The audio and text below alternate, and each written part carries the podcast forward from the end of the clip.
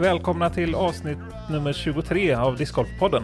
Ja, Det blev rätt med siffrorna den här gången också. ja, Det är otroligt. för 23 gången. Ja, 23 gånger gilt tänkte jag säga, men det är ju eh, bättre än så. Vi har ju faktiskt lyckats som sagt. Ja, Men, eh, eh, nej, men börjar komma in i det lite nu eh, generellt med, med poddandet och vi ser ju fram emot eh, ett eget eh, årsskifte så att säga när vi får fira ettårsjubileum här så småningom. Men det är, nu går vi händelsen lite förväg, det här är ju först i, i maj då. mm. Men eh, ändå, ser jag fram emot det där nu.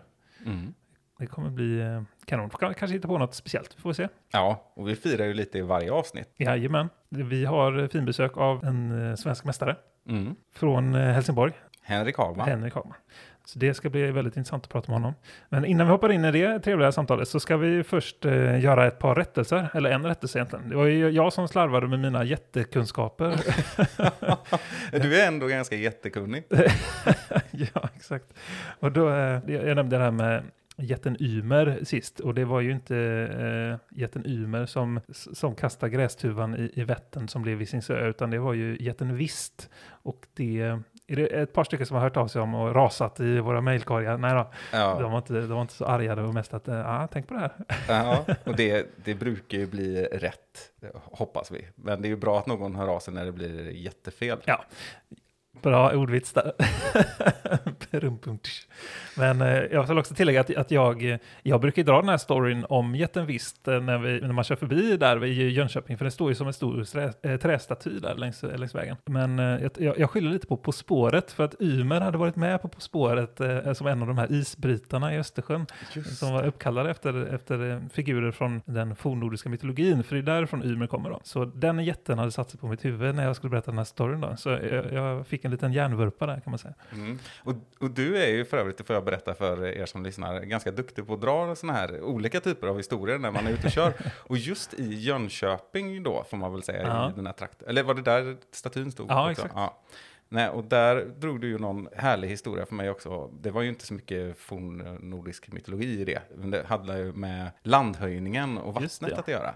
Kan Mm. du inte dra den? Jo, den är ändå lite, jag tycker i alla fall den är väldigt intressant. Jag tycker sådana så här, fakta som kanske inte alla tycker är kul, tycker jag är kul. Men hur som helst, ni får avgöra själva. Det, jag har i alla fall fått, fått höra och eh, kanske läst någonstans, jag minns inte riktigt var jag får allt ifrån, men, men, men eh, att Vättern, som ju då eh, ligger alldeles dikt an Jönköpings stad, de har lite översvämningsproblem, eller åtminstone på gång att få, eller sådär, att vattennivån höjs där i, i sjön. Och att det har att göra med att eh, sjön är så avlång och att landhöjningen går eh, snabbare ju längre norrut i landet man kommer, vilket gör att norra delen av sjön går sakta och sakta lite högre upp än vad den södra gör, vilket ju då gör att att det liksom tiltar och vattnet rinner ner. Låter konstigt. Men eh, i Jönköpingsdelen. Då. Och eh, anledningen till det här är att eh, ja, det går ju way back till inlandsisen och så vidare. Att, att eh, den smälter ju eh, det- ja, längre och längre norrut så att säga. Så det, det är mer nyligen det var inlandsis i, nor- i nor- norra delarna. Och det är därför den fortfarande höjs då. Liksom. Så att Mm. jorden på något sätt andas ut. Det, det är lite spännande. Mm. Det tippar liksom Ja, ner exakt, söderut, på, rätt in i Jönköping bara. ja. Så det är lite eh, spännande. Det finns många anekdoter om Jönköping tydligen. Sveriges Jerusalem.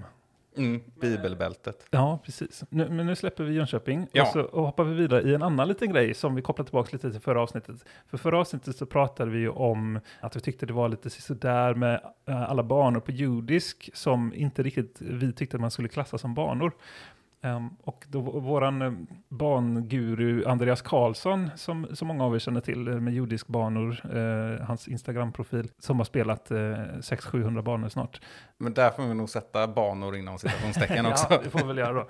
Men eh, han, han lyssnade på vårt avsnitt och, och, och, och reagerade på det här. Eh, han tyckte att det var ett bra avsnitt, sa han också, så det tackar vi för. Men han gjorde så att han tog sakerna i egna händer och hörde av sig till Judisk och eh, frågade just om det här med typologiska indelningen av banor, så att säga, på Judisk. Om man kanske ska ha bara då någon som heter kanske övningskorg eller övningsområde istället då till exempel. Så det var ju snyggt gjort av Andreas att, eh, att höra av sig till, till dem. Så det får vi ge en cred för här i podden. Jajamän. Mhm. Men med det så tycker jag att vi hoppar vidare till dagens gäst. Så gör vi. Han är brevbärare i Höganäs som spenderar mycket tid på Brohults gräs.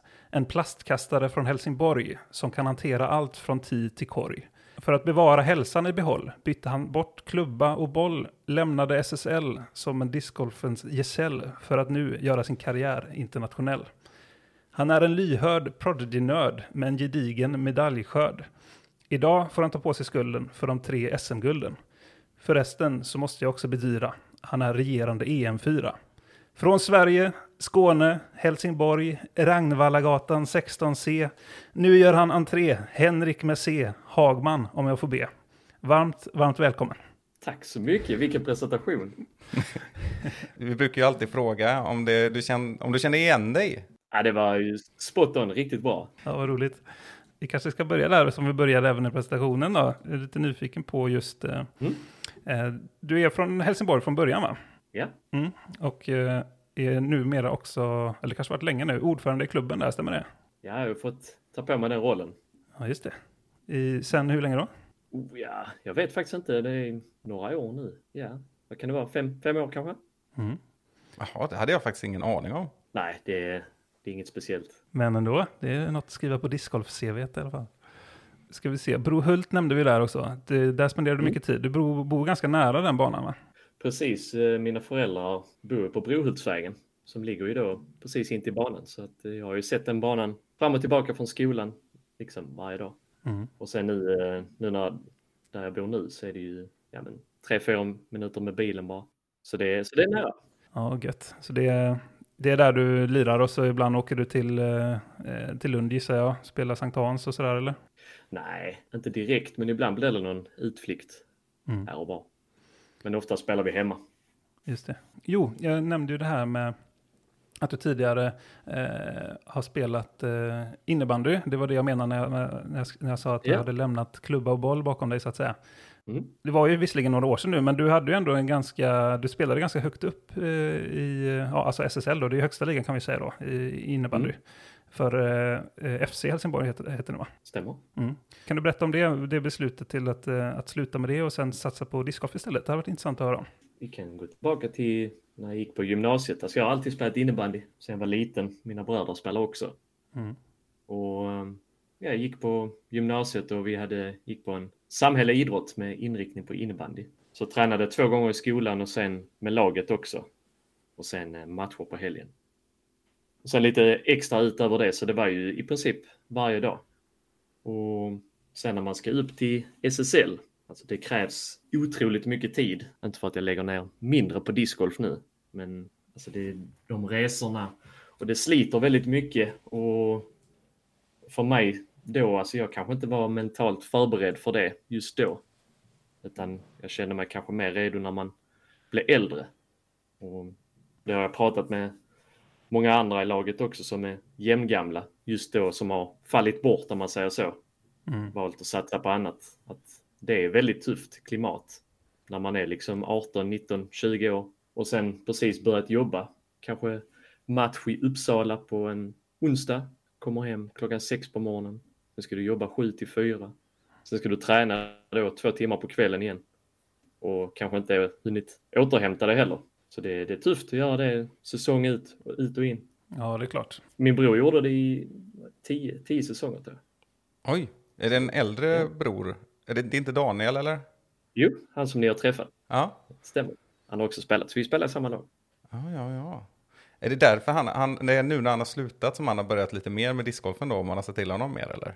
Precis, han slutade ju när han var 28-29 tror jag, så det är ganska tidigt. Men eh, ja, alltså det, det krävs så mycket av en spelare också för att med energi och tid och så har man familj också som blir lidande om man säger så.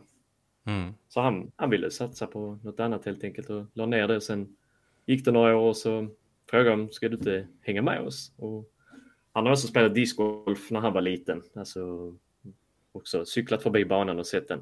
Mm. Så jag hängde ju med när, jag, när de spelade när jag var liten, men jag spelade inte själv. Men jag har ju sett, eh, sett sporten redan då. Mm. Hur gammal var du och när var det som du eh, var med i SSL då? Ja, det var mellan 18 till 18, 19 och 20 år var jag. Så gammal. just det. Och det är, ja, det är inte så många år sedan, eller på säga, men det är relativt nyss. Ja, jag är 28 nu. Ja. Du sa ju också det, det här med att lägga mycket tid och att du lägger mycket tid på discgolfen också. Hur mycket träningstid har du per vecka ungefär? Eh, Nu på vintern så blir det ju absolut inte så mycket som på sommaren, men jag försöker ju gå till gymmet nu fyra gånger i veckan. För att stärka upp min rygg, för jag märkte det förra säsongen att jag tappade mycket på slutet för att tävlingarna kom så tätt hela tiden så jag hann inte gå till gymmet, eller jag hann, men jag måste återhämta mig också. Mm. Och då blev det att jag kände att jag tappade i ryggen, vilket gjorde att eh, ja, det blev sämre. Ja, för du har, du har problem sedan tidigare med, med ryggen då ja. Jag har två diskbråck och en nervskada som satt sig. Så det är det jag försöker eh, stärka här nu på, på vintern. Mm. Framför. Vad, vad kan man härleda det till? Eller vet du så att säga, var- varför de har uppstått så att säga? Jag vet faktiskt inte, men eh, alltså, jag har ju kollat upp det både med magnetröntgen och olika läkare och så vidare. Och de säger att det är ju en onaturlig rörelse när man roterar så mycket som man gör i discgolf. Mm. När man svingar, då roterar man ju övre delen av ryggen. Mm. Och det är ju det är där jag har ont på båda sidorna, eh, eller skadan är. Så ja, det kan ju ha kommit från discgolf, men det är ju också, kan bara vara otur. Mm. Alltså, något sånt. Mm. Jag hoppas att det blir bättre nu med lite eh, stabil eh, träning under lågsäsongen här då. Jo då, men det tror jag. Och sen eh, inte spela, alltså lägga så tajt schema som förra säsongen. För att det blev ju förskjutet eftersom vi inte kunde spela då i april, maj. Sen drog det igång i slutet på juni, sen blev det ju tävling på tävling på tävling på tävling. Och Mm. det blev lite väl mycket. Hur var det året innan där, 2020? För då, då tog du, som jag förstått Jag det, spelade. ja, det spelade inte så mycket då? Spelar inte alls. Nej. Och det var kanske för att, för att ja, det, var ju, det var ju pandemi och det var ju många som eh, tänkte samma liksom. Men var det också skadekopplat? Precis, det var både och. Jag, jag försökte liksom på, på försäsongen där men kände att alltså det, det inte går. Att jag kan inte kasta på den nivån som jag vill. Mm. Och därför tänkte jag, ja, men jag skiter i det då. Alltså under detta året ändå, som på grund av pandemin också. Och skadan då försökte stärka upp. Och det är det jag har försökt sedan dess. Mm. Och det, jag har förstått det som att du kastar egentligen inte så himla mycket i den här delen av året va? Utan det är mest gym och, och fysträning du fokuserar på? Ja, jag, jag har svårt för att kasta för jag tycker inte det är kul. Nej. Jag gillar inte när det är, alltså jag, jag föredrar när det är några minusgrader snö mer än när det är som här nere när det bara är regn och lera. Mm. Låter kanske konstigt för de som bor i Norrland eller, eller längre upp i landet liksom att man tänker att ja men du har ju plus, det är ju fyra plusgrader, ja men det är fullt med lera och vatten överallt, det är inte kul. Nej. Nej, jag kan delvis hålla med dig. Men jag, är nog, jag brukar ha någon sån här 4-5 graders gräns. Är det 4-5 plus då, då, då tycker jag knappt behöver ta på mig vantarna och sånt. Och det är sånt som irriterar mig. Då kommer jag i alla fall stå ute och puttrarna om det skulle vara så. Ja. Stund i alla fall. Klart jag försöker ju hålla igång på helgerna. Eh, Det är ju det. Försöker dra ut och köra lite fält och så, men inte, inte mer än så. Nej. Nej, och det är svårt, eh, svårt i veckorna om man jobbar alla tider då det är ljust. Jag kommer hem vid fyra så det är ju beckmörkt ute. i det. Ja, precis. hinner man inte. Nej, så är det. Men eh, vi var lite nyfikna, jag och Rickard, på, eller framförallt eh, Rickard, du hade en fundering där eh, kring eh, Hen- Henrik Larsson, om det spelade samtidigt. Ja, just det. Nej, men för, Henke Larsson, eh, känd som fotbollsspelare, eh, behöver väl inte presenteras. Men han hade ju också en sejour i SSL, men det var väl inte samtidigt som dig, antar jag? Jag spelade inte i laget, men jag tränade med laget. Så Aha. vi tränade, men inte mer än så. Ja, men det är ju coolt. ja. Ja, men han var, han var smart. Alltså smart spelare, Ja. snabb. Mm. Men han var ju han var inte bra med klubban, med- vilket man förstår. Nej, okej. Låg eh, superliganivå. Ja, det, det var det. Men eh, det var kul att se från läktarhåll när han skulle spela och det var helt, helt plötsligt, hallen var ju överfull. Ja, kan tänka mig. mäktigt ändå och ja, men få vara i samma rum, eller på att säga. men i samma, träna tillsammans med någon, en sån legendar. Ja, ja men verkligen. Ja, det var en liten... eh, Och då pratar jag om att det var roligt för Henrik Larsson alltså. precis, det är klart, det är klart. Eh, I Simons presentation så tog han ju upp eh, några SM-guld och sådär också. Mm. Och jag har ju varit på plats och fått se dem, alla tre. Mm. För det, det är ju två individuella Ja. i rad. Men ett par-SM, det vann du tillsammans med Henrik Johansen, eller hur? Mm. Stämmer. När var I det? Malmö. Nej, Malmö var det. Ja, det var väl 2019. Ja, då tar jag tillbaka det här att jag var med på alla, för den var ju faktiskt inte med. jag har inte spelat den tävling spelar jag inte. Det var den som eh, visades på SVT. SM-veckan. Mm. Det borde ju vara ännu enklare att komma ihåg då. Kan det vara? Och det var där ni Ja. gick i ledarboll tillsamm- eh, mot eh, Västervikarna va? Var det inte så? Svärd och eh, Hasselblad? Helleblad. Helleblad, förlåt, Hasselblad. Så, Mm. Svärd och Helleblad. Och det, det, jag kommer ihåg att jag följde det, det var ju, det var ju spännande. Alltid roligt att, att se när discgolf får lite airtime på SVT. Det borde de ju få oftare som eh, Rickard var nosade lite på. Um, men jag tänkte på det, du som spelar med Henrik Johansen, är det, skulle du säga att det är optimalt att spela med en, eh, en eh, lefty i par eh, eller? Ja, alltså, ja men det är det väl. Egentligen man kan ju, det blir ju lite annorlunda vinklar för, för oss. Man kanske kommer till korgen på ett annat sätt. Mm. Sen är det inte där det avgörs i slutändan. Speciellt inte på en sån bana som kanske Bulltofta Best Score eller Best Shot. Mm. Då är det bara att försöka prestera så bra man kan hela tiden. Mm. Ja, och eh, Johansen är ju ganska van vid att spela högerhål om man brukar säga så. Du, du får väl ändå vara betraktad som ganska allround i ditt spel. Ja, men det tycker jag. För det är väl det är kanske lite mer på senare år som du har tränat upp forehanden, eller har, har du alltid haft den? Nej, verkligen inte. jag var helt, helt bedrövlig med forehand i början. Jag, jag vägrade kasta forehand för jag kunde inte. För det kunde bli alltså, fem meter eller 50 meter. Jag hade ingen känsla alls. Så jag bara bestämde mig en, en vinter att alltså, nu måste jag verkligen kunna kasta detta. För jag kan inte kasta mig ur med backhand från alla lägen. För jag, det blir ju på tävlingar att man blir låst. Att man, det är bara lätt att ta ett steg ut och kasta en form. Men jag kunde inte, så jag vågade inte. Så jag, jag stod där inne med backhand ändå och det blev, blev dåligt. Så tänkte jag, men då kunde jag lika bra kastat en dålig forehand. Ja, det är framförallt scramble-spelet är det ju Precis. mycket. Ja, men och sen, Ja. du har ju en väldigt mäktig forehand nu. Jag vet att jag, för det var så jag minns det liksom. Jag vet inte om det var att jag såg dig på Alen vid något tillfälle. Och så plötsligt så köttade du iväg någon sån här, det kändes, som en bra bit över 100 meter i alla fall. Och bara, vad fan, kan Hagman kasta forehand sådär? var det efter Ja, den vintern då kanske? Ja, den har vuxit fram. Och ja, jag gillar att kasta forehand nu, det är inga problem. Känner mig inte alls obekväm med det. Nej. Hur, om, man, om man vill göra som du och liksom bestämma sig för en vinter och träna upp en forehand, vad har du för tips då? Kolla YouTube då och kolla hur man ska göra till att börja med. Ta ett proffs, till exempel calling 16. Kolla i slow motion, se hur de gör. Hur man sätter ner foten, var armbågen är, var snarten kommer ifrån, alltså handleden och så vidare. Var de hämtar disken ifrån. Sen går du ut till fältet och försöker härma det och filmar dig själv i slow motion. Och så tittar du, jaha, jag har disken alldeles för högt upp. Eller till exempel. Och så får man korrigera det så filmar du det igen och så försöker du härma det hela tiden tills, den, tills det sitter. Alltså det låter ju kanske konstigt men forehand är ganska lätt egentligen. Den sista, den sista biten. Och det är ju den sista snarten det handlar om. Du behöver inte ha hela, hela kroppen med. Som i, som i backhand då, som du roterar bort från ditt mål. Du står hela tiden och tittar framåt var du siktar. Så ja, det var väl det jag gjorde den, den vintern. Mm. Nu, nu ska jag fråga lite åt Simon här också. Vad har du för grepp? Jag kör power grip heter det? Mm. När man, när man kastar två, två fingrar. Är det power grip? Eh, ja, eller det, det är lite, det, om det är tvistar i lärde tror jag. jag. Eller jag har hört i alla fall väldigt många olika. Jag har också hört att det som 16 har, när han håller liksom nästan, som han jämförde med när man kastar en baseball typ, att man liksom håller lite böjda men ändå två fingrar. Att det eh, skulle kunna vara power grip på något sätt. Ja, jag håller ju två, två fingrar plant mot rimmen om man säger så. Precis. Mm. Och det är det jag har börjat gå över till nu. Jag har ju kört, eh, alltså framförallt med pekfingret och sen liksom bara stöttat upp med de andra fingrarna. Så det har liksom varit eh, Mm. nästan som ett eh, enfingersgrepp liksom. Men, Mm.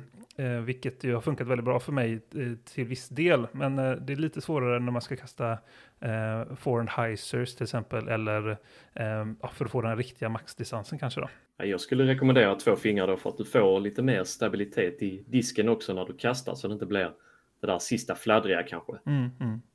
Ja, Som man precis. kanske får när man kastar med ett finger. Ja, nej, men så jag har experimenterat med det en del nu den här ja, lågsäsongen hittills då. Och eh, Mm. med blandat resultat såklart, men så är det ju när man ska testa något nytt. Men det är, det är nog långsiktigt rätt väg att gå, gissar jag. Absolut, man måste ju börja någonstans. Ja, exakt så är det ju. Vi fastnar ju aldrig i de här SM-gulden riktigt. Vad, första var 2018 i Örebro, eller hur?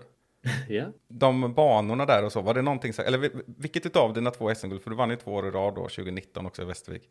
Eh, Vilket utav dem betyder mest för dig? ja men det måste ju vara första. Första gången är alltid speciell. Det, det tycker jag. Gillar du de eh, banorna där, eller Brickeberg och Hästhagen? Ja, alltså gillar. Jag ska inte säga att jag ogillar dem, men jag tycker inte de är så superbra eh, som tävlingsbana. Mm. Jag gillar ju Brickeberg mer än Hästhagen till exempel. Ja, det är jag med. Den känns väldigt, eh, det är väldigt bra liksom, variation på hålen där.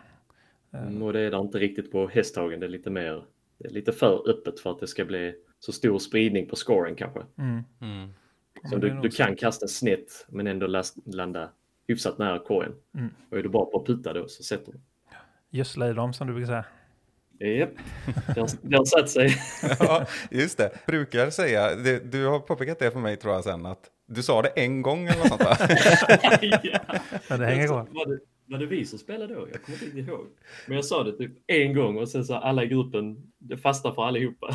ja, men undrar om det inte var att du sa, sa det i, eh, på YouTube liksom? Jo, jag tror det var, var det inte när du var på, vad heter den? E- Eksjö. Ja, exakt. Spring Oak Challenge eller något sånt där. Ja. Jo, det stämmer. Ja. Kallt som fan var det. Ja. Man har lärt dig det, att det, man får vara försiktig med vad man säger. Säger man någonting som låter bra, då kommer man bli förknippad med det för alltid sen. Jag var ju med på den tävlingen också där. Ja, Ja, ja från, den, från den videon för övrigt, där kan man ju också se att du kanske inte riktigt är lika anpassad till vintern som alla andra. Nej, fy hemskt var det. Jag kommer ihåg det. Vi åkte hemifrån och det var liksom vårväder där hemma. Sen kom jag dit så var det snö. Va? Och så var det ju fruset. Det var ju snö och sen på dagen efter så var det ju så blött. Det hade ju fortfarande lite snö på morgonen och sen försvann det så var det bara blött. Och, nej, det var riktigt kallt. Ja. Jag fixade det. Nej, just det. Nej, Jag tror att man ser lite skillnad på dig och de andra i klädsel också. Du är mer påpälsad och döljer ansiktet och alltihopa sådär. ja. Det var Ja, ganska bra startfält då. Linus var väl med och Anders Svärd och sådär. ja, det var bra. Bra tävling. Mm, roligt. Hoppas att eh, det var väl Jonas Eriksson tror jag som höll i det också. Han som också höll i själva Mm. liksom filmningsprylen på något sätt. Så hoppas att han... Eh, jag tror vi gav en shoutout till honom ganska nyligen. Alltså att han ska komma igång igen med Highland Productions där på YouTube. Eh, Så hoppas Mm. att han gör det. Det hade varit bra. Ja, verkligen. Och sen hade vi eh, SM nummer två då. Kan du göra en kort redogörelse för, för det? Mm, eh, var det runda fyra på Jenny som jag gjorde en bra runda. Jag tror det var minus 10. Just Eh, som jag kom åt upp ett ganska stort försprång. Sen var vi lika inför sista och sen var det, sen var det bara att köra. Mm. Vem var du lika med inför sista? Robin Billman. Ja, ja, ja, just det. Och han tog brons till slut va? Ja, Ja, och Linus gjorde en bra runda eh, från Chase Card och blev tvåa. ja det får man väl ändå säga. Jag tror han satte banrekord där va? Kan det stämma? Ja, jag tror han gjorde en sån där riktig monsterrunda. Eh, Ja. och käka upp där. Och Willman satte en fin putt för att ta bronset minns jag. Just det. Mot, eh, annars hade Svärd tagit det typ eller något sånt. Va? Ja, eller särspel eller något. Ja, något i den stilen. Eh, Ja, det var en spännande, eh, ja, det avgjordes där, det var spännande på alla platser på något sätt. mm. Mm. Det var där Linus började jaga. Ja, Sen var du inte med på SM efter det i och för sig. nej, det stämmer. Men i mångt och mycket blir- har det väl varit lite en kamp mellan er två, eller kan vara också sådär. Det blev ju nästan på det, nästan det i somras också nu, nu pratar jag inte om SM då. Men du lyckades ju ta dig fram till en fjärde plats på EM. ja, Hur, hur känns det idag? med nia på, i protokollet som ingen annan hela startfältet där. Ja, du, vi kommer till det. nej, nej. Jag lägger på. Nej men det var ju, det var ju ganska nesligt. Eh, Du var ju i slutändan bara ett kast ifrån bronset faktiskt. Och fick ju stå och vänta in också, eh, finnen. Irriterande. Ja, det är fortfarande irriterande. Men du var, ja, du var ju ganska samlad Det är då också. Men, Jag är jättenöjd med den fjärde platsen och den putten han satte, han visste ju om det också. Mm. Eh, han, den var ju urusel den putten. Det var ju, rörde inga kedjor, bara snurra runt i korgen där nere. Så att han, Mm. han var märkbart nervös. Han visste också om det, att eh, han var tvungen att sätta den för att bli trea ju. Ja, det var nog eh, resultatet av att vi var ganska många som stod där just då och höll tummarna för att han skulle missa. Ja. Det är alltså Jona Heinonen vi pratar om här. Ja. Precis. Och inget ont om honom givetvis. Nej, nej, nej. Men, eh, nej men, och, och, men det, det var, alltså du, du jagade ju ikapp dig till den placeringen, eller hur? Alltså du tog ju in på nästan varenda runda efter de första två, eller? Ja, jag, jag spelade bra hela tiden, alltså förutom hål 12. Det är Mm. ju vattenhålet. Det är ju, jag spelade det riktigt dåligt faktiskt. Det var, ja, det gjorde ett par på, var det fyra runder man spelade? Mm. Kanondåligt. Vissa av oss spelade fyra rundor. Visst det, ja. Ja. Ja, nej, men det var jäkligt spännande att följa. Alltså, hela det mästerskapet var ju riktigt kul alltså, för svensk discgolf generellt. Alltså. Både du, eh, Linus och så Josef i början där. Och, ja, det var häftigt att följa. Eh, Ja, jag tyckte vi gjorde riktigt bra som Sverige då. Ja, det var ingen som kanske räknar med oss, men Linus tvåa, jag fyra. Sen vet jag inte, Max, Ja. avslutade jättebra och Josef också med hela, hela vägen. Mm. ja, var båda Eh. topp 15 i alla fall. Ja, och sen hade vi Masters och Grandmasters och tjejerna också, så det, och juniorerna, så det är riktigt bra, riktigt bra tävling. ja, det var fantastiskt roligt. Det kändes verkligen som en framgång där nere. Ja, jag håller med. Det var liksom, som eh, Sweden Reborn på något sätt. eh, Så här, eh, gamla takter på något sätt som kom tillbaka lite grann. Mm, kul att visa att vi, vi kan ändå. Mm. Och vi hade nog ändå lite snack innan sådär att ja, Finland, ja de har så jäkla många liksom. Och, och så var ju Mm. Lisotte där och så. Så vi minns det som att vi ändå hade lite rivalitet på förhand sådär med Norge. Men de såg vi ju inte mycket av. Nej, inte på bredden i alla fall. Nej, det var Öyvind eh, och Håkon var visserligen topp 10, men det var 7 och 9 typ sådär. Ja, Ja. det var så pass ändå. Mm, de har, de har ju toppen, men de har inte bredden riktigt. Nej, Valand, eller vad säger jag, Knut Valen Håland var väl, han låg ju med, han gjorde någon väldigt bra runda i alla fall. Mm. 56. Ja, han är, han är duktig. Spelar med honom sista, sista rundan och ja, han behöver ju bara se korgen, sen sätter han putten. Mm. Ja, det är så. Ja, det är så 20-25 meter hela tiden så, så hänger han den. Mm. Och han går ju för alla puttar också, spelar ingen roll om det är ett stup bakom. Den ska i. Mm. Ja, det är häftigt Så det- med sådana personer faktiskt. Offensivt. Ja, visst. Ja, jag tänker på det, alltså, det här med håll 12. jag ska, jag ska inte, jag ska inte eh, vet det, gnugga ansiktet i det så mycket, men tänker, kan du inte beskriva hur hålet är? Jo, man ska ju till en väldigt, väldigt, väldigt, väldigt specifik eh, landningsyta. Annars har man ingen, ingen öppning mot korgen sen. Och det är en anheiser eller forehand man ska kasta från 10. Men något understabilt, då backhand, höger. Eh, så får du att den driftar höger hela vägen och sen landar på ytan så kan man antingen, ligger man då snett så får man lägga upp till, till då den luckan och sen kasta över vattnet. Eh, hur långt kan det vara till korgen där från trädgräns? Kan det vara 70 meter eller 70-80? Ja, 70-75 kanske. Och så Ja. om man tänker att man, om man ligger där på första kastet och sådär eh, och för att kunna gå över. Man såg Linus och dem i lead card. Då låg de ju oftast lite längre ifrån, då, kanske 90 skulle jag väl tro. Mm. Men för oss som ofta fick ta den där upppitchningen, då var det nog bara 75. Nej, men då, jag, jag kollade ju lite här och det var ju, alltså, jag gjorde fyra, sexa, fyra på det här par fyra hålet. Och du hade femma, nia, femma, fyra. Så det var väl typ det enda hålet jag presterade bättre än dig tror jag på den. Med tanke på att du kom fyra och jag kom kanske var jag 90 eller något sånt där. Ja, alltså så här, jag var ju rätt så dum för jag satsar ju typ eh, oftast. För att jag tänker jag kan det, jag, jag ska ju över. Det är ju ta en lite snabbare driver och sen bara trycka över. Mm. Men eh, som jag då gjorde runda ett och den tog den ju en gren och sen rätt ner i.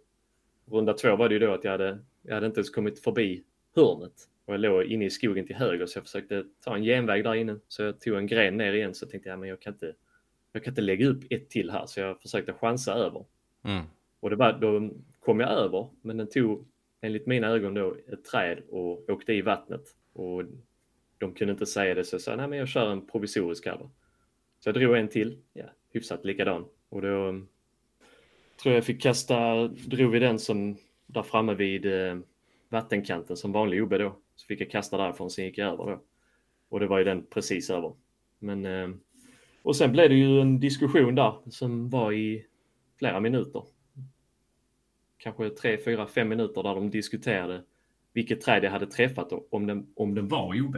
Mm. Om du hade gått Eh. över dammen eller om du skulle kasta från andra sidan. Andra dammen, sidan, exakt. Det är första kastet då. Och då, ja men de, vi pratade väldigt länge och de, och till slut kom de överens om att här är market i trädet. Och jag sa, men hur kan ni se att det är ett market från, från 85 meter? Ja, men de sa, det, det är det här market i trädet och den är ute. Så det bara acceptera det. Det är ju tre mot en och jag tyckte det var väldigt hårt. Ja, Att man, man har diskuterat liksom 3, 4, 5 minuter och kan fortfarande inte säga det.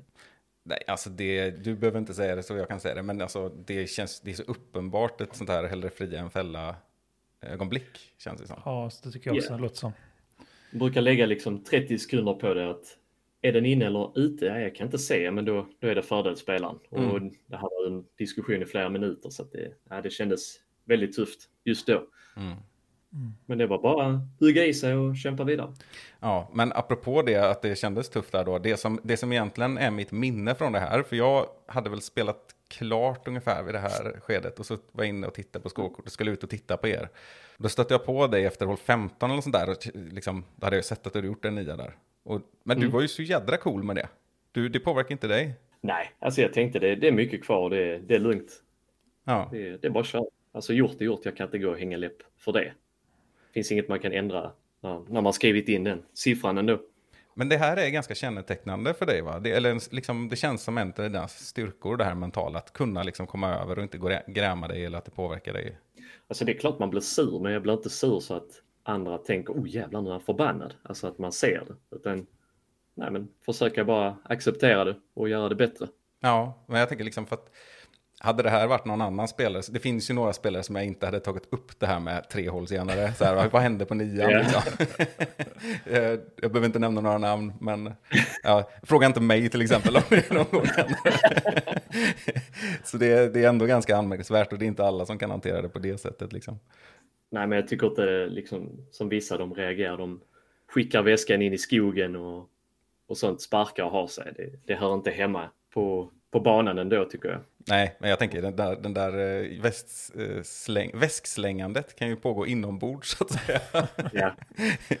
Så kan det vara. Nej, men det jag kommer ihåg från det var att jag, jag bara bestämde mig för att uh, köra vidare. Gjort är gjort. Göra det bättre. Ja, om du ska, nu har vi grottat ner oss i, det, i, i, din, i det stora kryptonit här på banan. Om vi ska vända det till en, något positivt här istället då. Vilka var den, ja, favorithålet eller favoritkastet eh, från EM då? Har du något sånt där du vill dela med dig av? Alltså jag tycker den banan, tycker det är skitkul att spela där. Mm. Banan passar mig. Jag har ganska lätt för att kasta långt och hyfsad precision. Eh, Men något så favoritkast? eh, Nej, inte vad jag kommer på direkt. Nej, Det var mer helheten. Ja, Mm. jag, jag tycker den tävlingen är jättebra. Banan är jättebra också. Mm. Ja, det, hoppas att den får leva kvar där. Det är ju lite osäkerheter kring eh, Konopiste. Jag fick ju höra att det var kanske sista gången. För Mm. det tar dem så otroligt mycket tid att fixa den banan, det förstår jag också. Med all gräsklippning de gör och lägga ut tis och, och så vidare. Mm. Och så var det ju tal om att ett antal träd, ganska många träd behövde fällas också som jag förstod det. Ja, och vissa kanske inte vet, men den banan finns ju inte egentligen. Den fixas ju bara till tävlingen. Mm. Den återuppstår så här en, en gång eller kanske vartannat år till vissa stora tävlingar. Ja, precis. Och På tal om det, eh, stora tävlingar, ska vi... Eh, jag nämnde ju där att du liksom eh, ska göra internationell karriär så att säga i prestationen här. Och eh, Mm. det, samtidigt som det inte är helt lätt att planera eventuella resor till USA och sådär eh, nu. Men, men jag tänker vi kan ändå gå in där och, och tänka lite, eller höra lite snarare hur du har tänkt kring, kring detta och, och dina planer framöver. Hur, hur går tankarna? Ja, men det är klart det är ett mål som jag har för säsongen. Jag vill åka till USA och spela några tävlingar. Kanske två, tre tävlingar, sen åka tillbaka till Europa och sen göra samma, samma procedur senare på säsongen. Jag vill inte, jag vill inte vara där flera månader. Det, känns, det passar inte mig. Mm. Utan jag vill vara där kortare stötar liksom och tävla den, den biten istället för att hänga där i flera månader. Det, det vill jag inte. Mm. Så Ja. det, det, det var min tanke. Åka fyra, fem veckor sådär då kanske. Ja, totalt ja. Mm. Mm. Men vad, när eh, tänker du dig? Vi, vi pratade ju lite innan här eh, om att eh, det är ju det är en tuff ratingfråga att få spela Disc Golf Pro Tour. Precis. Det finns ju ett sånt, eh, vad hette det nu, ett sånt eh, pass eller card. Man kunde ansöka om det som var de som är topp 10 i Europa senaste EM då.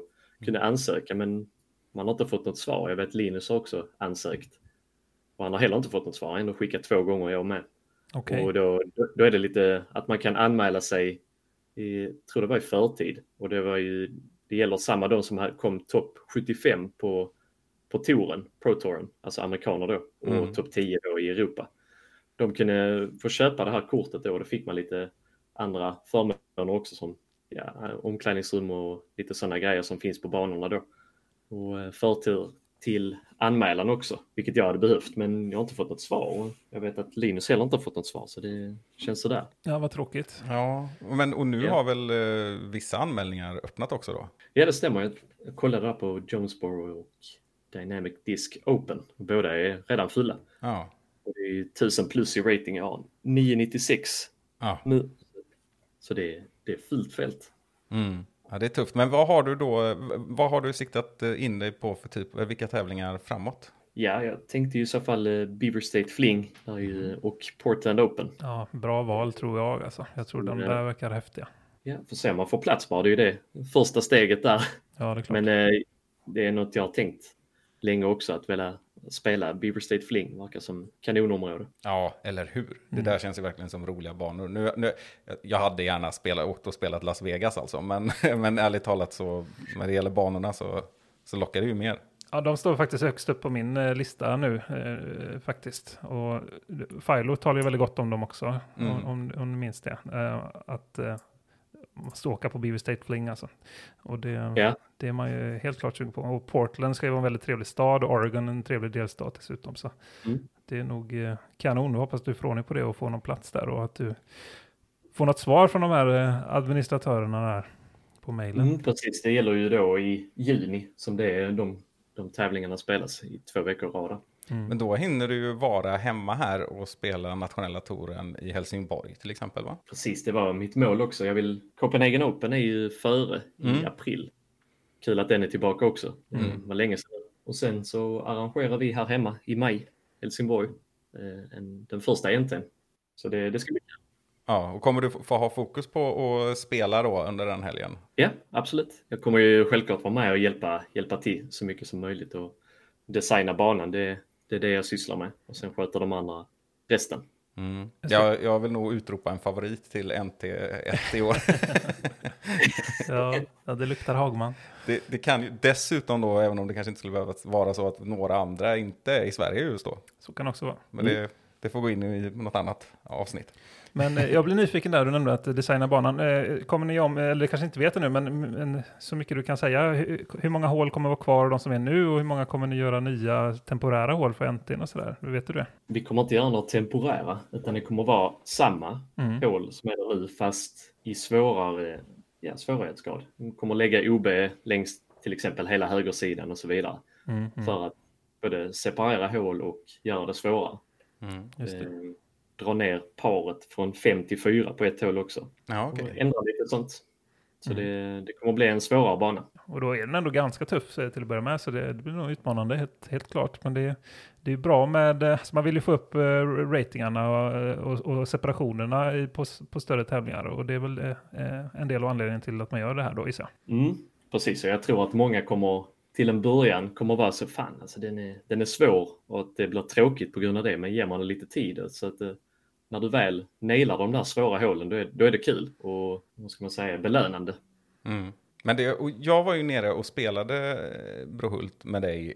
Det var 2016 och det är enda gången jag har varit där. Hur mycket, hur stor skillnad är det? För det var ju svårt för mig och Simon när vi pratade om det, att, så här, för han har ju varit Ja. efter och jag har varit före och vi har inte varit, ja. Har, har det hänt väldigt mycket? Ja, det har hänt eh, jättemycket. Vi har ju lagt eh, plattor som utkast. Mm. Sen har vi Prodigy-korgar. Så det är ett väldigt stort lyft. Vi har fått hjälp av kommunen och plocka fram till exempel nya hål då. Och sen fixat mycket i klubben också, nya hål. Så att eh, den är ju den är betydligt svårare än när du var här 2016. Mm. Men den är ju så lik, men ändå olik. Ja, men det låter ju bra. Jag gillade ju banan väldigt mycket. Men då är det ju några hål kanske som har eh, försvunnit och bytts ut då. Förstår du så? Precis. Precis. med många som är samma också. Det var det vi glömde prata om i det andra avsnittet. Vi, vi pratade ju då om ett, eh, ett hål eh, som var så brant, det brantaste utför jag någonsin hade kastat. som var typ så här 70 meter, nej jag vet inte vad det var. Ja, vi, vi pratade om att man kunde kasta en kettlebell ner liksom. vet du vilket hål jag menar då? Alltså, här i Helsingborg, Ja. vi har ju det, På toppen, ja. Det är ganska brant. Ja men det var det, alltså så som jag minns det och jag vet att jag, jag sa ju att det här kan ju vara en överdrift men vi kör på den. Ja, men liksom att minnet var liksom att man mer eller mindre bara stod och skulle släppa en putter och så skulle den inte glida för långt. Ja, det, du kanske en, då när du var här så var det ingen damm bakom. Det har vi ju nu. ju. Åh nej. Ah, då blir det ju kettlebell. Nej, men det, så brant är det inte. Men man måste verkligen trycka ner disken. Det är det felet många gör, att de bara kastar den i princip i normal höjd och då, då ligger du i dammen. Och, eller vid nästa utkast. Ja men vad, vad är det för fallhöjd på det och vad är längden på hålet? Uff, jag har ingen aning, men vad är det? 73 meter och sånt där? Ja, hö- högt ja. Tre man meter kan lång. krydda det ännu, ännu, ännu mer om man vill. Det är ju en liten topp till bakom. Jaha. Men eh, vi kör den första etappen. Ja, Men men vilket- det, det är ganska, det är högt upp. Snackar vi, är det 10-15 meter minst? Nej, det är mer. Ja, det mer, mer än 15 är det. Ja, ja men det, ja, precis. Och det är faktiskt ganska högt på 73 meters Ja. hål. Så Vilket hålnummer är det vi pratar om? Nummer tre. Nummer tre. Ja, men det kan vara bra. De som är nyfikna. Och var åka. det det då också? Eller har det ändrat ordning? Vi har ändrat ordning sedan dess. Eh, Kommer inte ihåg om det var, tror det var fem Mm, okej. när du var här. Var det hål 4 som är det där eh, tuffa par femman då? Precis, det är hål två nu. Så man börjar ju med två lite svåra hål och sen kommer ju den. Lätta. Ja, ja men det är, det är lite ett sånt hål man, man vill verkligen ha birdien där. Känns lite surt att gå därifrån med par. Men, men nu kastar du på det, för det här är ju verkligen ett hål som... Eh, Jag kan tänka mig hemmahål liksom. ja, alltså kan man, här kan man ju tänka sig upside och allt möjligt. Eh, grenade liksom, eller?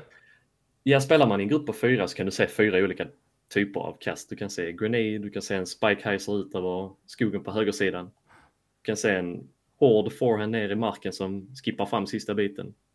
Eller någon eh, anheiser ut till vänster med någon flytande putter liksom.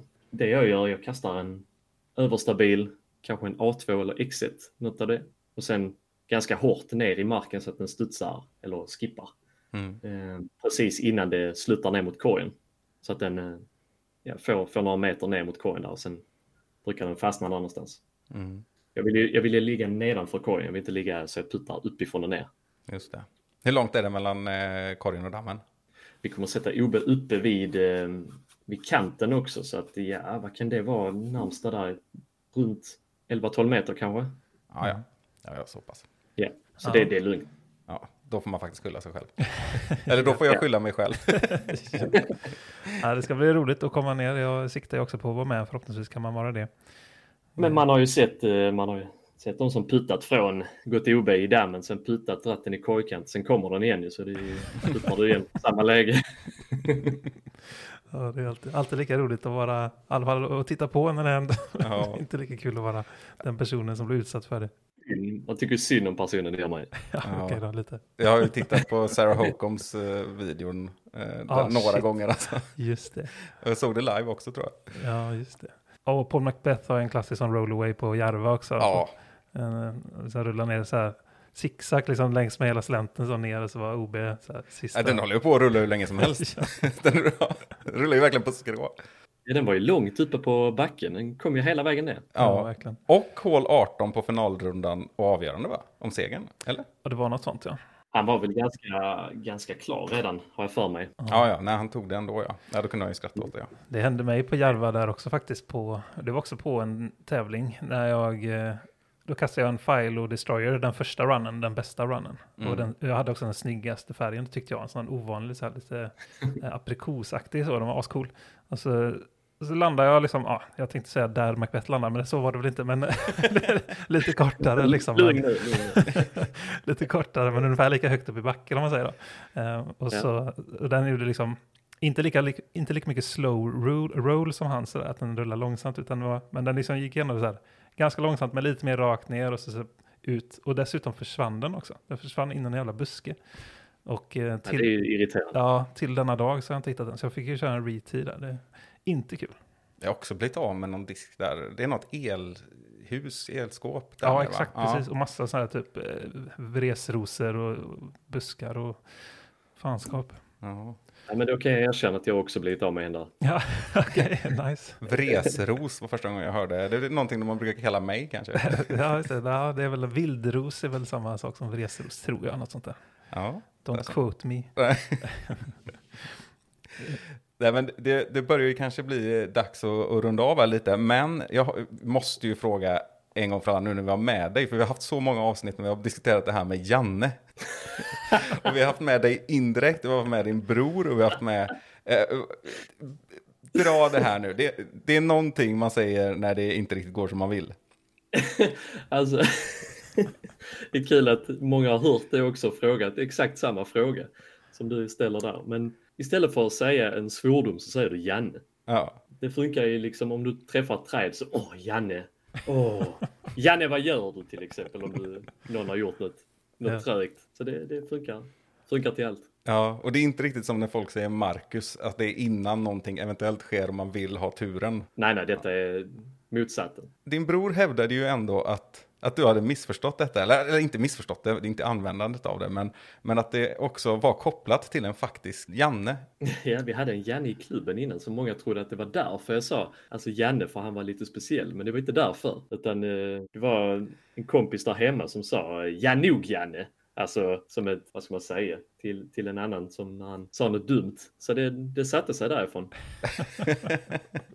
Det, det funkar till allt, eh, liksom ja, fan vad Janne och det där var ju Janne och Ja, nej, och det var, din, din brors historia var ju då att men det var någon som hette Janne och att han, han var en sån där som gärna gick hem efter ett hål på vint, eller veckogolfen om det gick dåligt och sådär. Nej, han, han var speciell. De som spelade förr kanske vet vem han är på, eh, på Sverigetouren. Och, eh, Jag har hört historier om honom också. Han spelade inte när jag spelade eh, direkt. Det var bara där i början, sen försvann han. Mm. Han hade ju, han hade ju våra redskap till klubben där hemma och de fick vi inte mer efter det. Nej, ja, då hänger vi ut honom nu. ja, ja. Nej, men vi, vi är, kanske är vi ett steg närmare att lösa gåtan med Janne, men nu vet vi hur man ska använda det i alla fall. Ja, Ja, precis. Det, det funkar till allt. Så. om man, om man är i något eh, buskage i kring Brohult-trakten och hör Janne skrikas med, med skånska diftonger, då vet man att det är du som är krokarna. Nej, det, det är inte bara jag numera. Det är, det är rätt många som kör Janne. Spridit sig. Troligtvis en discgolfare i alla fall. ja. Ja, det är bra. Ja, men det var eh, kul att få det eh, klargjort en gång för alla så att säga. Det är kanonbra. Är det något, eh, något utöver som det vi har pratat om nu som du skulle vilja säga eller ge någon shoutout till eller liksom någonting eh, som du vill nämna här eh, när du har chansen i podden så att säga? Nej, jag tänkte bara, eh, som jag sa innan där med Copenhagen Open, att det är kul att den är tillbaka för det var många år sedan den senast. Och sen ser jag fram emot i European Open också. Det Mm. ska bli kul att åka dit. Ja, det ska bli kul det- att följa åtminstone för min del. Och så hoppas vi att det sista av pandemin är nu. Ja, nu får det vara noga. Ja, att det framåt sommaren i alla fall kan eh, bli resande. Vi vill ju ha över amerikanerna också. Mm, precis. Macbeth hade ju faktiskt eh, tre stycken Europatorer på sin lista. Mm. Ja, det var Estland, European Open och Sila va? I Norge. Mm. Korrekt. Ja, och Nokia Open också som är ju är separat. Ja, just det. Ja. Ah, Precis. mm. Ja. Två i Finland då, ja. Precis, men ingen Sverige den här gången heller. Nej. Det är lite synd. Jag har inte fortfarande, även om det är på gång så är det kanske inte fortfarande tillräckligt ännu för svenska tävlingarna. Nej, jag vet inte. Det är väl Järva Open kanske som lockar i så fall, men annars har vi kanske inget som, som lockar där. Mm. Eh, Det är väl bara det. Nej, det är ju svårt också när det ligger just eh, andra europeiska stora tävlingar passande just under en sån där några veckors period. Mm. Såklart. Mm. Men det kommer nog komma några amerikaner om, om pandemin tillåter så att säga att, eh, att dyka upp på, som du säger, Järva Open och säkert Swedish Open och Heatland Open. Och det finns ju några sådana här eh, hyfsat stora tävlingar som, som kommer nog locka en och annan i alla fall. Men det är svårt att nog få den här som hela toppen liksom. Det är kul att se nu också med discgolf för att det har ju vuxit väldigt mycket. Det ser man ju nu på tävlingarna. Alltså de, de fylls upp fort. Som i USA nu med väldigt bra spelare och här i Sverige också. Man ser det många nya. Mm. Så det ska bli kul att se nu denna säsongen här med våra NTS. Att eh, vi kan se till att fylla fälten. Ja, och det är ju en helt ny situation. Jag som har halkat efter i rating eh, betydligt mer än vad du har gjort. Det är ju faktiskt, får man ju faktiskt se hur man ligger till vid anmälningarna. Mm. Ärligt talat. Ja. Men det är ju kul såklart. Lyxproblem ja. Ja, och vi får ju skärpa oss helt enkelt med vår rating. ja. Det är väl, det är väl så. Ja, nej, men återigen, det var, det var väldigt trevligt att ha dig med här Henrik. Allt, eh, alltid kul att prata med dig och eh, i en ny kontext i det här fallet då. Så eh, får vi ju se, vi lär ju ses i Helsingborg då om inte annat på NT'n. Mm. Hoppas ni gillar banan. Det tror jag ni kommer göra. Det tror jag med. Ja, jag är nästan övertygad redan nu.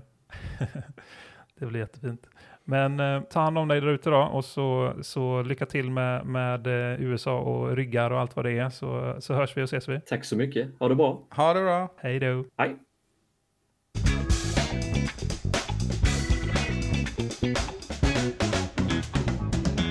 Ja, Skåneresor får vi planera in också. Ja, det är mycket som står på den listan. Ja, verkligen. Det, man blir ofta taggad på olika saker beroende på liksom vem man pratar med och sådär. Och nu är jag taggad på att uh, åka till Helsingborg igen. Mm. Jag får hem och träna med kettlebells också. ja, Så är vi redo.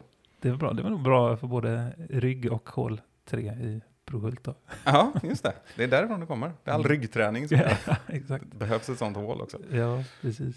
Det har ju också varit ett väldigt omtumlande silly season i discgolfen, eller hur? Ja, men det har det ju varit faktiskt. Under en silly season där jag ändå inte trodde att det skulle hända så jättemycket kopplat till stor, riktigt stora stjärnor, så har det ju faktiskt ändå gjort det. Ja, och vi tippade ju lite grann och sånt där i, i ett tidigare avsnitt och konstaterade att det var ju ganska svårt eftersom många var uppbundna för ytterligare ett år och sådär. Men det har ju folk skitit i. Ja, enkelt. och det där hade varit intressant att prata med någon om hur det där funkar egentligen. För jag har egentligen ingen koll. Så här, men det bryts ju kontrakt till höger och vänster, så, det så, så svårt är det ju tydligen inte. Nej, och det, det, det kan ju vara att det finns sådana utvägar, dörrar i kontrakten Ja. såklart.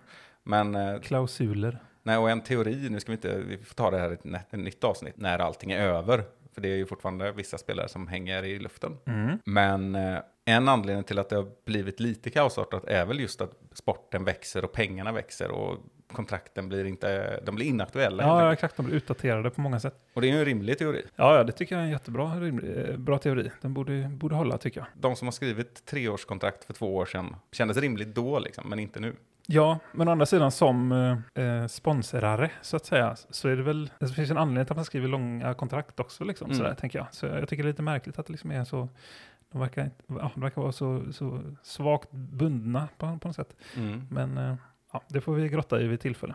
Men vi kan väl, vi kan väl nämna några av de som är klara nu och de här stora namnen. Vi har exempelvis Chris Dickerson från Prodigy to Discraft. Och han ska ju på för fyra år till exempel. Mm. Och om, som sagt om fyra år, eller tre då, kanske, liksom, ja, kanske han lämnar igen då. De här fyra åren verkar inte betyda så mycket då. Nej, precis. Och Hailey King. Mm. Och ett annat, eh, ännu större namn, är, om man ska, eller, jämnstort namn, om man ska jämföra en PO-FPO vill jag påstå då. Ja, det ska man nog säga. Ju, Kanske ännu mer, alltså Hailey King har väl också den där eh, känslan av eh, framtiden Ja, eh, över sig. och, och eh, kanske en högre högsta nivå och en lägre lägsta nivå, medan Chris Dickerson har en väldigt hög och jämn nivå, så kan man väl säga kanske. Ja, ja. Som ni gärna eh, känner till att han kallas för Robot Chicken, och det är väl av en anledning då kanske, att han är väldigt sådär, ja, konsekvent. ja, väldigt bra ord för detta. Hailey Kings fall så gick hon ju från Discraft till Innova. Ja, Och där har ju Innova lite grann målats ut som den här, det här transferfönstrets förlorare. ja, det var tur att det här hände på något sätt. Ja, samtidigt så har de ju rätt bra spelare alltså.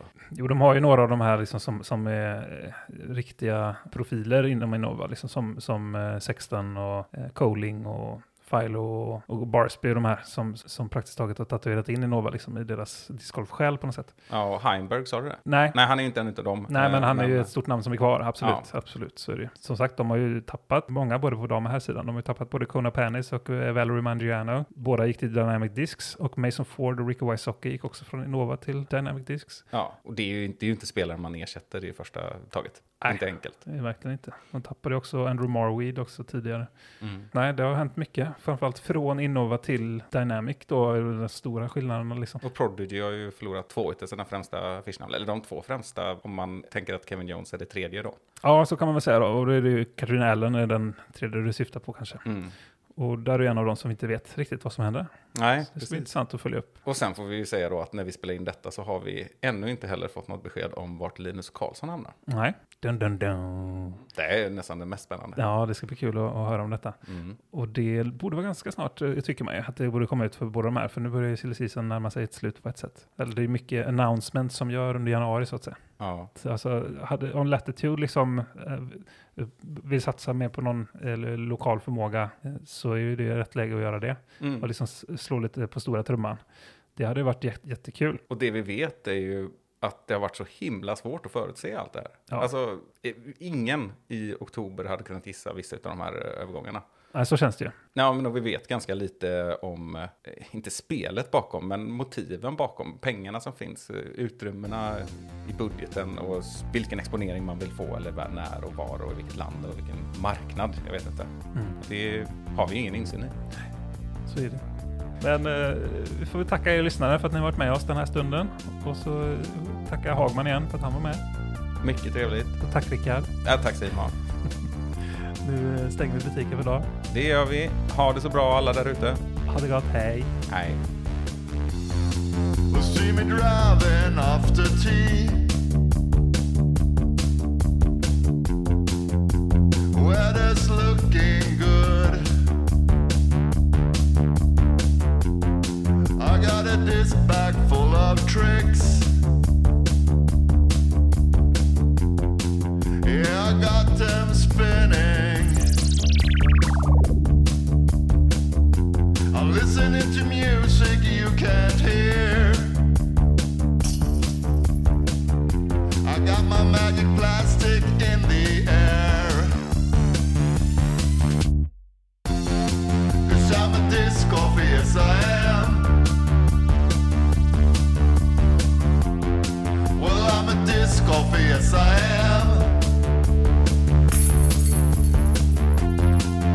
I'm a disco, yes I am.